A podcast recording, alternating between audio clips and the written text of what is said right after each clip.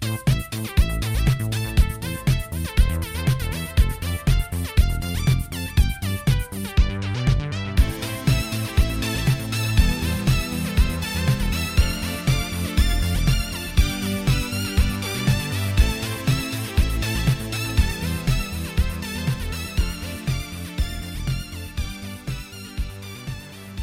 Hej och eh, hjärtligt välkomna ska ni vara igen till eh, Radio Rouge.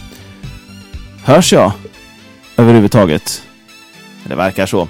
Hörrni, vad trevligt att ni vill titta in och eh, säga hej. Eh, idag är ett program med mig, Joel Krantz, och med... Eh, Åsa Fredriksson. Givetvis, det vore väl märkligt annars. Eh, idag eh, med titeln Konflikt och konsensus.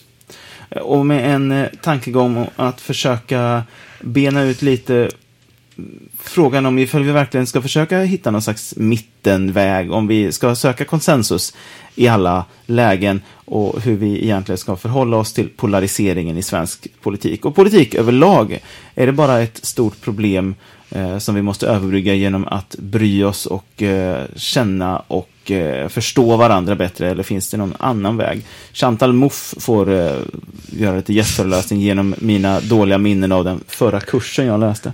Eh, och eh, du, Åsa Fredriksson, ska snacka lite om varför det faktiskt, faktiskt är Sveriges fel, delvis i alla fall, att folk dör på Medelhavet. Japp, tänkte det. Så välkomna hit.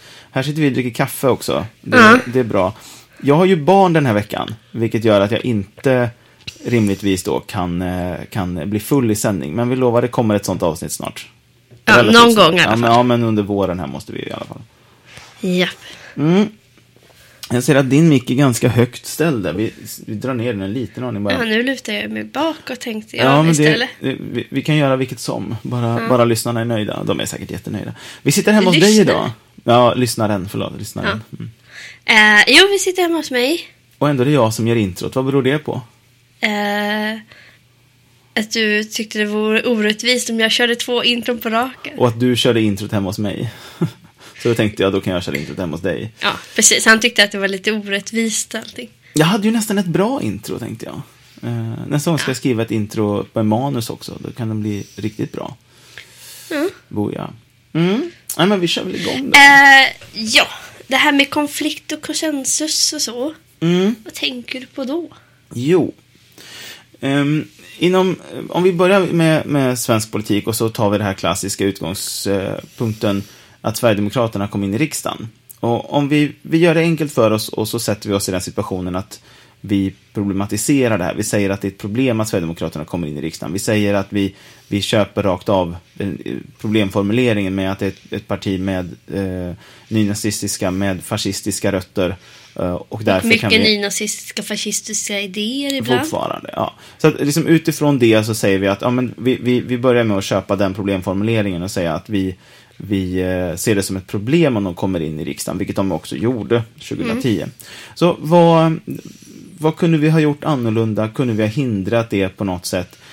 Och det går givetvis då att, att föra i någon slags eh, resonemang frågan ifall vi inte har en, eh, en tillräckligt stark eh, välfärdsstat. Det, går det finns också liberaler som hänvisar till precis motsatsen, att, att välfärdsstaten blev för stor och för omfattande och för självklar för att folk skulle liksom strida för den, lite så. Och det är rimliga saker båda två. Men det jag vill gå in på handlar lite grann mer om, ja, men vad ska vi säga, så kulturen, eh, samtalskulturen kan man väl säga. Mm. Och samtalskulturen, eh, vi brukar ju säga att vi i Sverige har en konsensussökande politik, det vill säga att trots att vi har haft tydliga vänster och höger, vi har haft en tydlig blockpolitik under väldigt många år i Sverige, så har man ändå alltid strävat efter, till exempel under perioden när Socialdemokraterna styrde tillsammans med Centerpartiet, till exempel, gamla bondeförbundet, Eh, så försöker man ändå hitta någon slags konsensus och det här tänker man det låter fint och det låter bra. Men om vi börjar med att hänvisa till den svenska författaren Benjamin Knutsson som skrev en fantastisk eh, eh, en fantastiskt inlägg i, som vi läste i form av en artikel i höstas under en kurs i eh, eh, eh, utvecklingsteori och, och, hållbar utveckling som pratar om just att vi, vi kanske inte är där där alla är överens om hur det är. Alltså, det, mm. Vi pratar lite grann om definition, som kallas för postpolitik. Och inom retoriken använder man ordet doxa. Mm. Och det är lite så här, de försanthållanden. Ord som många inte använder men som är väldigt lätt att förstå. Man kan slänga in hegemoni där också. Som vi har om världen. V vad jag upplever vara sant och vet det, hur jag tycker att saker ska vara. Mm. Och att ibland så verkar vi inbilla oss att vi har samma doxa i hela det avlånga landet Sverige. Men jag tror att det beror mycket på våra filterbubblor också. Jo, men jag tror just det här med konsensussökandet mm. att ja, men vet du det, det är bara små detaljer där man är oense. I, på det stora hela så är man ju överens. Men vad, ordet konfliktlinje tycker jag är bra. Var mm. går konfliktlinjen? Och det är ju och egentligen har vi ju olika utgångspunkter där. Vad tycker vi är viktigt? Frihet, vems frihet? Arbetares rätter? Ja, men så här, och mm. egentligen så har vi kanske inte äh,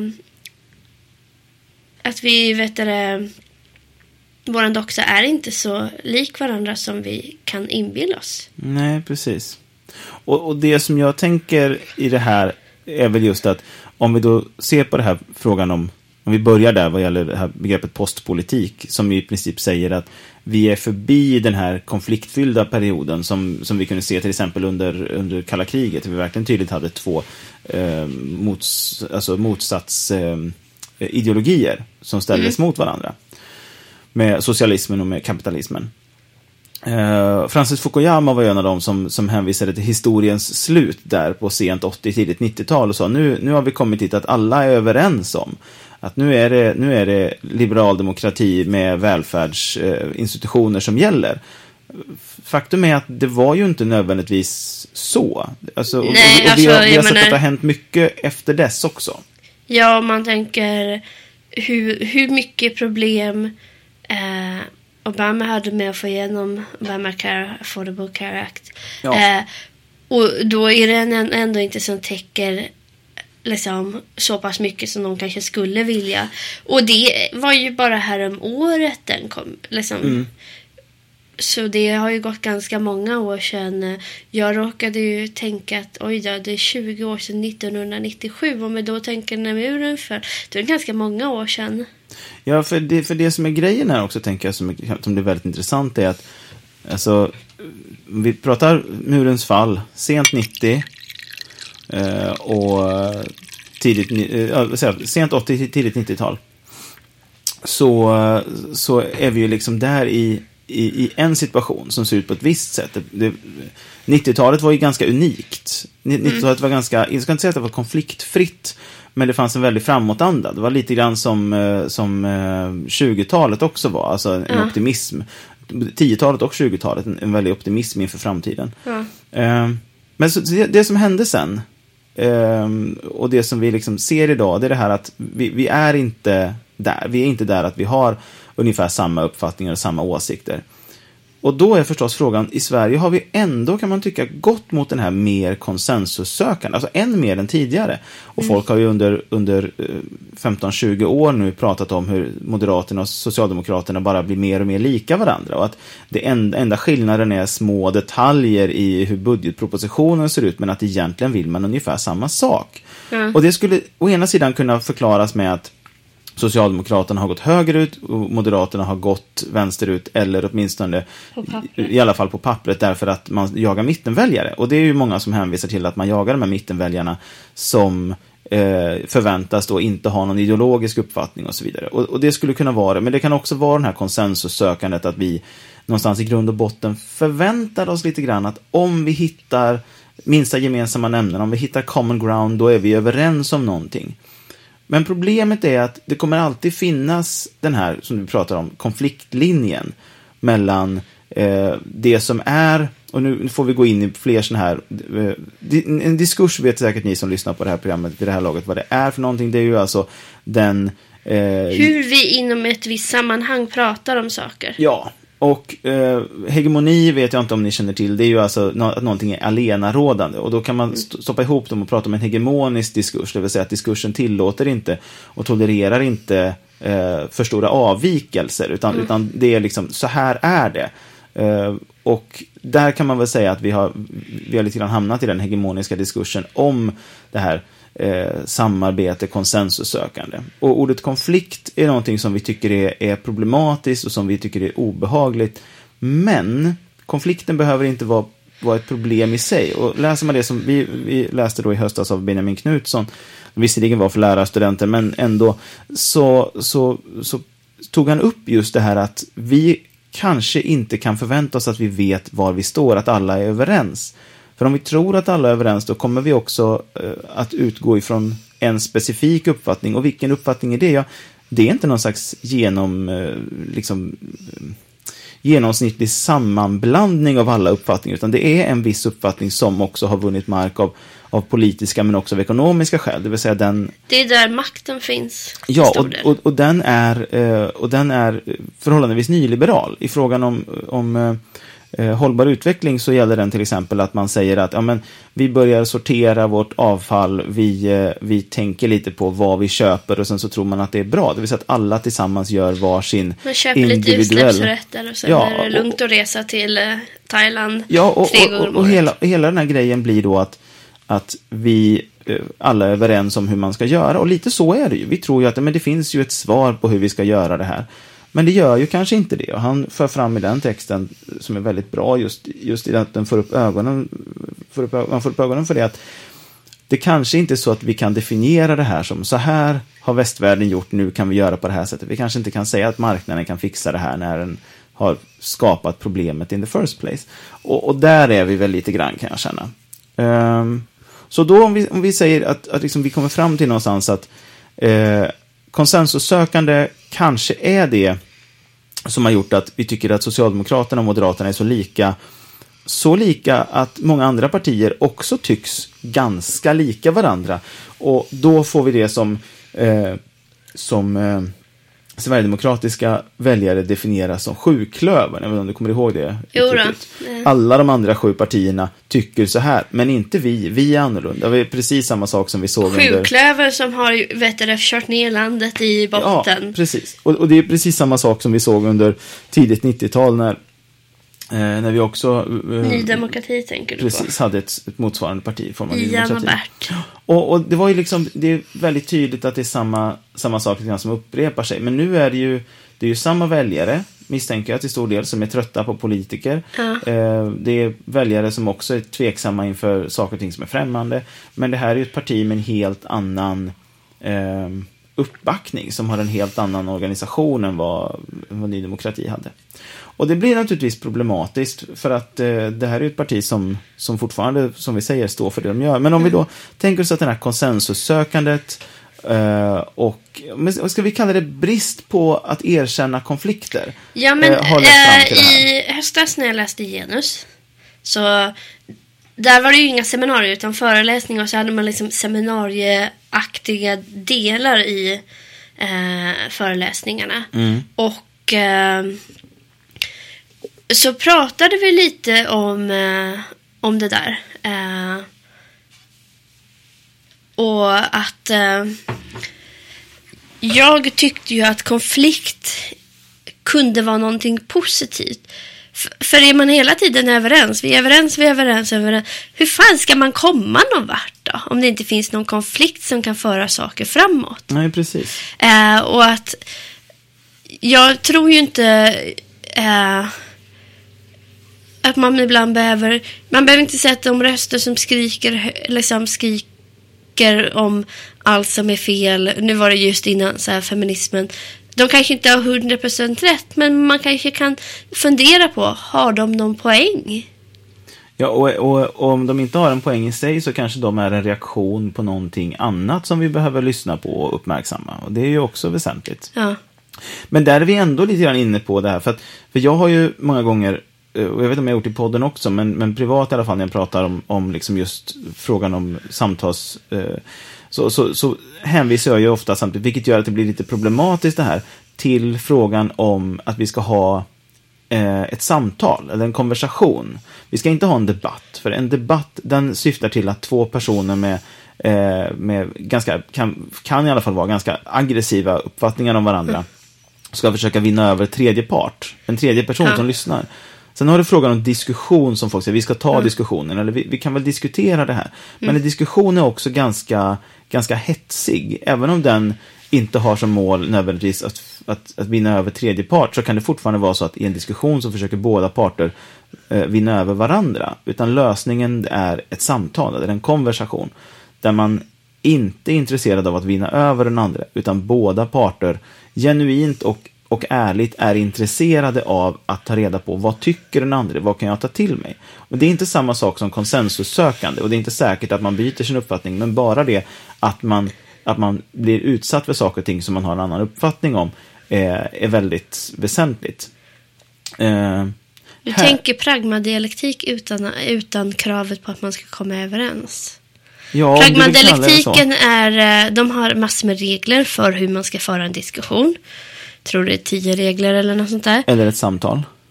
Ja, samtal, diskussion. Det är bara diskussion och samtal. Det är mer så här, vad du har lagt in för konnotationer till orden. Givetvis. Alltså konnotationer tolkningarna man gör av orden kan man väl säga. Eller associationerna.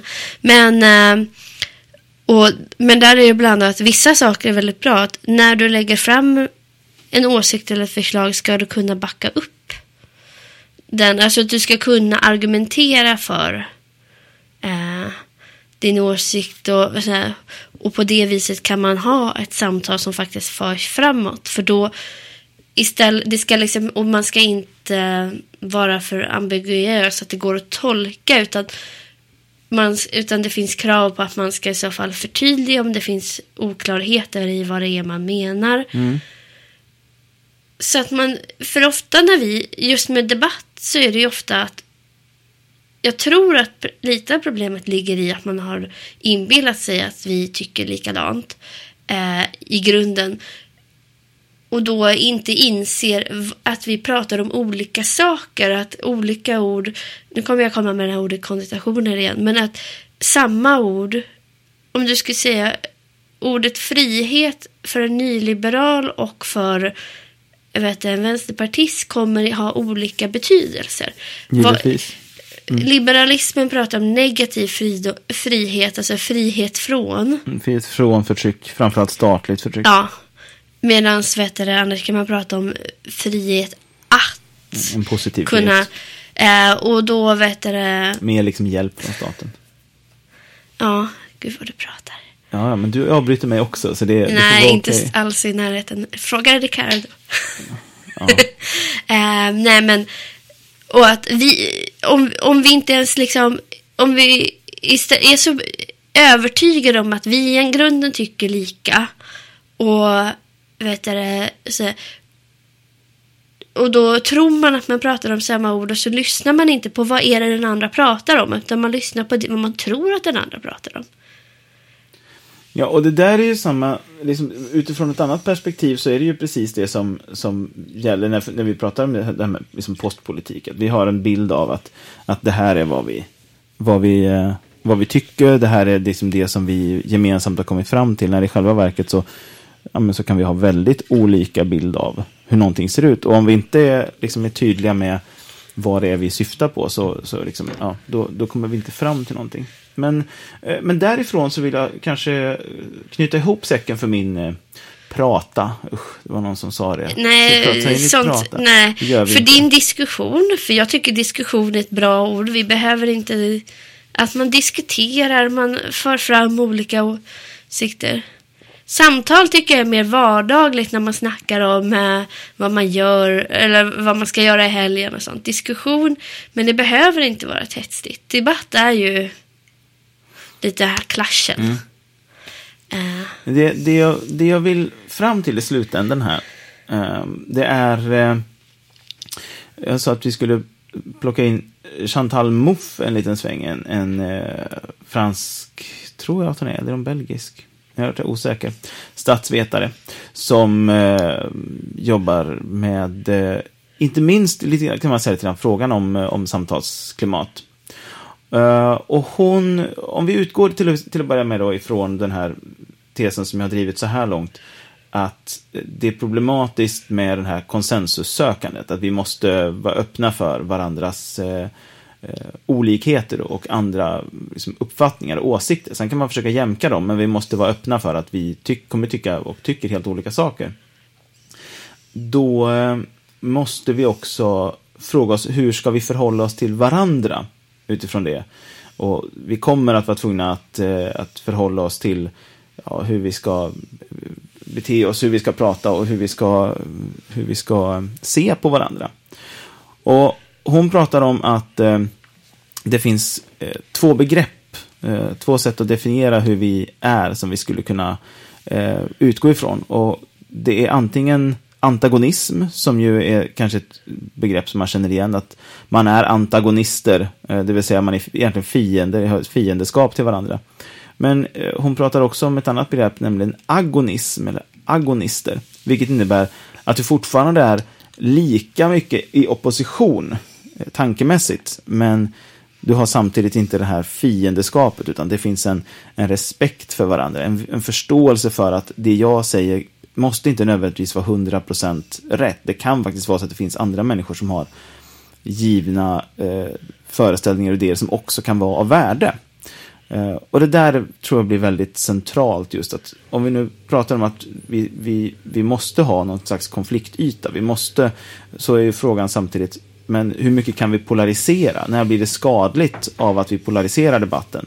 Eh, för någonstans så måste debatten också vara ganska polariserad och visa att det finns två tydliga Eh, eller fler för den delen, eh, uppfattningar. Men normalt brukar vi ha en, en, vänster och en höger inom, inom politik. Mer eller mindre statlig inblandning och så vidare. Och där tror jag att det är centralt att inte börja eh, att inte ramla in i att ha ett antagonistiskt förhållningssätt till varandra. Det vill säga, vi måste fortfarande ha någon slags respekt för varandra och för hur vi ser på saker och ting. Utan att för den skull eh, mjäka oss ner i någon slags konsensus konsensussökande. Alltid, alltid, alltid. Ja. Mm. Så tänker jag. Jag kommer säkert tillbaka till det någon sväng innan vi avslutar sen. För, för, eh... för du tycker om att höra din egen röst. Ja, men du tycker snart om att höra din egen röst också. Jag är nyfiken på Fast din... Fast du brukar eh... prata mer.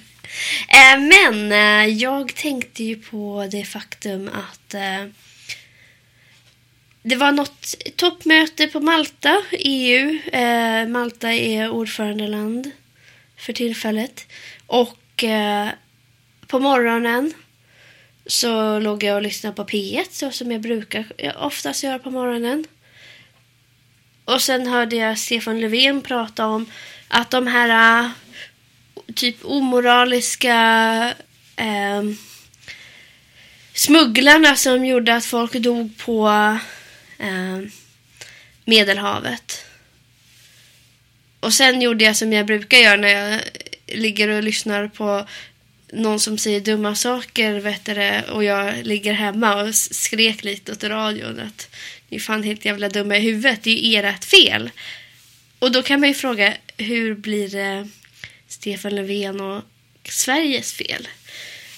Och då är det ju så att Sverige har ju skrivit under något som heter Schengenavtalet. Och inom Schengenavtalet finns det en eh, någonting som kallas transportörsavtalet. Det innebär att när någon, typ om man tänker att man ska fly från Syrien och så tänker man att de ska ta flyget från ett av de närliggande länderna där det går att flyga från. Nej, men då har man gjort att den som är transportör, alltså flygbolaget, måste stå för hemresan om, eh, om personen inte släpps in i landet. Om vi då tänker att det är eh, jävligt många som flyr Sverige får, har ju fått det till att vi typ har tagit in hela Syrien. Men det har ju de närliggande länderna gjort. Uh, Libyen, va? Eller nej? Jag... Uh, mm, ja, men Libanon. Libanon. Jag, jag, jag kände att Libyen var fel, men du vet, hitta inte landet. Är det lite, lite långt att flytta till Libyen därifrån? Ja, men geografi, du vet. Ja, ja, ja. Men eh, Libanon och därifrån skulle de ju kunna flyga. Men eh, nej, då har ju vi skrivit under det här eh, transport, vet du, att de har transportörsavtalet som gör att jag kan ju förstå att om man ändå... Nu lever ju i en värld som är kapitalistisk och ska tjäna pengar. Och då som flygbolag, om man tänker att vi har ju inte tagit in långt ifrån alla. Utan de, det är ju så många som har flytt. Och om man skulle behöva stå för återresor för alla dem, eller en majoritet av dem, då skulle det där flygbolaget inte finnas mycket längre sen. Jag tror till och med att det är så att transportörsansvaret säger att de är ansvariga ekonomiskt för, jag tror till och med för processen i Sverige eller, eh, eller för eh, på något vis en ganska stor kostnad utöver bara resan också till och med. Faktiskt, ja, det är mycket möjligt. Så det är en väldig kostnad. Och det jag tänker är ju att då är det ju faktiskt så att smugglarna, jag tror inte att de, de gör ju inte det de gör för att de är så goda, snälla människor. Ibland har de kopplingar till samma personer som ser till att de måste fly. Men nu råkar det vara så att de är de enda som hjälper de här människorna. De är de enda som hjälper dem att fly. För Liban Libanon, som är ett pyttepytteland eh, geografiskt, de kan ju inte ta in alla. Så alla... Och jag vet inte hur ni känner, men jag skulle nog inte vara så pepp på att stanna i ett land där bomber sprängs runt omkring mig, där folk skjuter, där jag liksom inte vet om jag och min familj skulle överleva från en dag till en annan. Så jag förstår ju att man flyr, för man flyr från någonting. Det är det vi ofta verkar glömma. Man flyr från något och inte till något. Eh, sen när man väl har flytt så är det klart man vill hamna på ett bra ställe. Eh, man kanske inte allra helst vill stanna i det där landet där de har journalister som försöker fälla folk som är ute och flyr. Ukraina kanske? Var det väl en ukrainsk journalist som... Eh, när de filmade när hon eh, försökte fälla någon som gick med sitt barn och när de höll på att transportera sig. Jag minns inte var, var journalisten var ifrån, men det var ju på gränsen i någon av de inomeuropeiska eh, gränskontrollerna. Det var ju hösten 2015 när det var så många som tog sig till fots under ja. hösten norrut. Men i alla fall så... Vi skulle ju kunna ha... Att vi har skrivit under det här från början är ju skit överhuvudtaget tycker jag. Man försökte ju sälja in Schengen och få folk att vara, inte vara kritiska genom att prata om men gud vad bekvämt att kunna flyga utan pass, vilket jag ändå inte har kunnat göra någon gång hittills i alla fall. Jag tycker att man brukar behöva ha pass och legitimation och det är mycket det här att man ska att polisen ska kunna när du går på gatan i många fall kunna kolla din legitimation och så. Men att man försökte sälja in det med ja, men nu ska ni kunna flyga till eh, Europa utan pass. Och det var ju en mini pytteliten del av vad Schengenavtalet var. Det var ju till, främst sånt som transportörsavtalet som var anledningen till Schengenavtalet. Ja, de, de förhållandevis lätta gränser som man hade inom Europa, mellan länderna, de slog man ju liksom ihop och la utanför istället. Så mycket, mycket hårdare bevakad gräns utanför bara egentligen istället. Ja. Och fortfarande så brukar man behöva ett pass när man eller motsvarande när man är ute och flyger ändå. Det är ju inte, det är ju ganska långt ifrån alla länder inom Europa som är med i Schengen dessutom. Det är ju, jag menar, Norge är med trots att de inte är med i EU. Men Bulgarien som är med i EU är inte med i Schengen till exempel. Ja. Men vi, man skulle ju kunna tänka sig att när man märker att alla dessa människor faktiskt drunknar på Medelhavet så skulle man kanske kunna göra någonting annat än att peka finger åt eh, smugglarna som dessutom använder de här pissdåliga gummibåtarna för att när de använt större, lite rejälare skepp så har man har gjort ingått avtal med bland annat Turkiet så går kustbevakningen ut och vet det, attackerar båtarna. Så det är därför, för att en gummibåt kan ta sig obemärkt, lite mer obemärkt liksom, fram över vattnet där. Men istället för att peka finger åt dem och titta, titta de där är dumma, de låter folk dö på vattnet, så kanske man skulle kunna ta lite ansvar och se, skulle vi kanske åtminstone tillfälligt när vi har den här akuta katastrofen kunna upphäva det här med transportörsavtalet. Men Sverige har ju inte direkt propagerat för det i EU. Uh, eh, och det är liksom ingenting som uh, man har jobbat för. Utan istället så pekar man på någon annan och säger det är domses fel.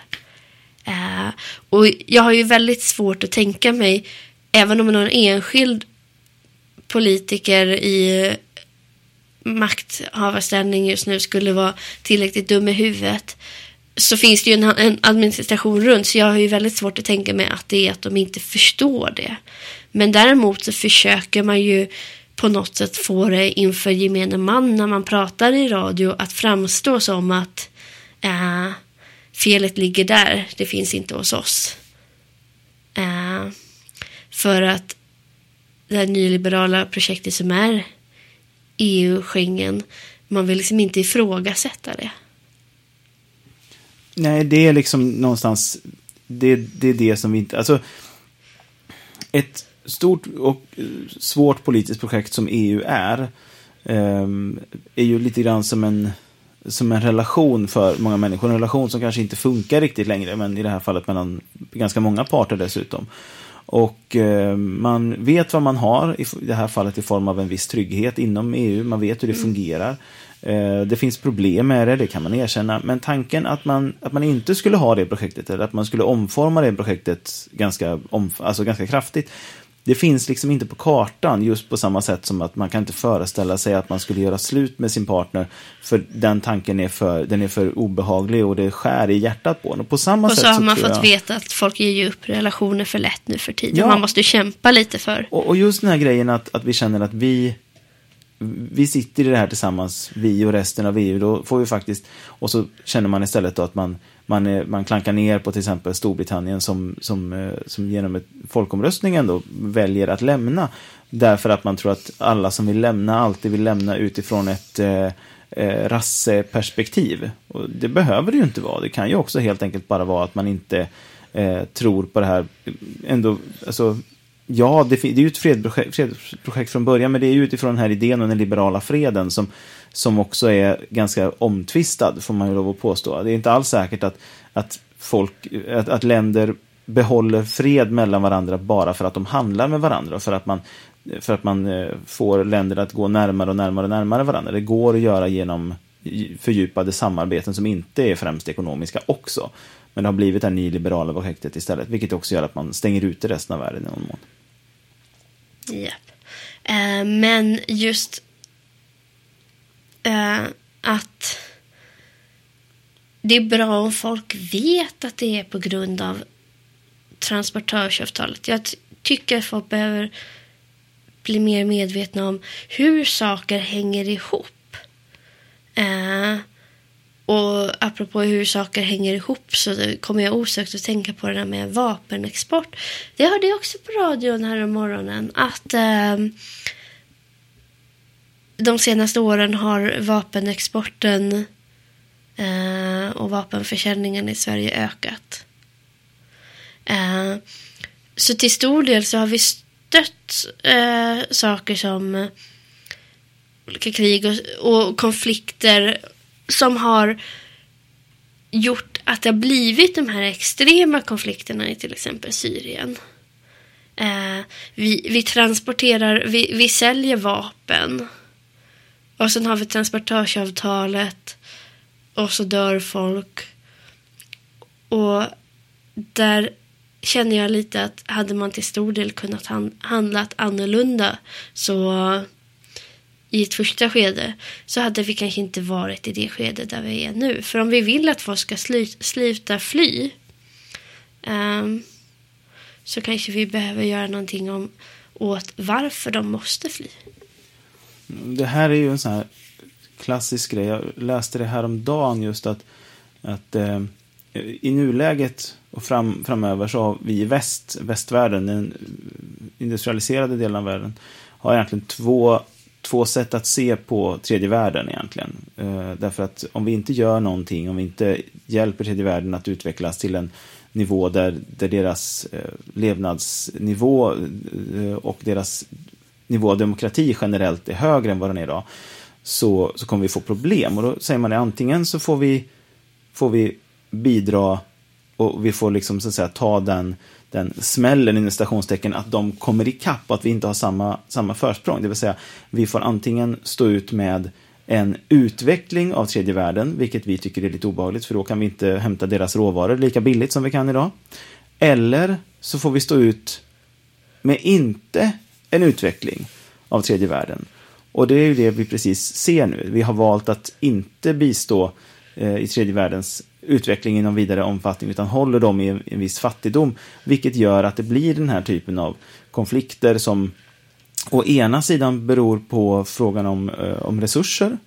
Eh, det finns frågan om klimathot och klimatflyktingar. Det finns frågan om att när situationen är svår, när resurserna är små, så kommer också eh, separatistiska eller religiösa extremorganisationer som typ IS och bli starkare.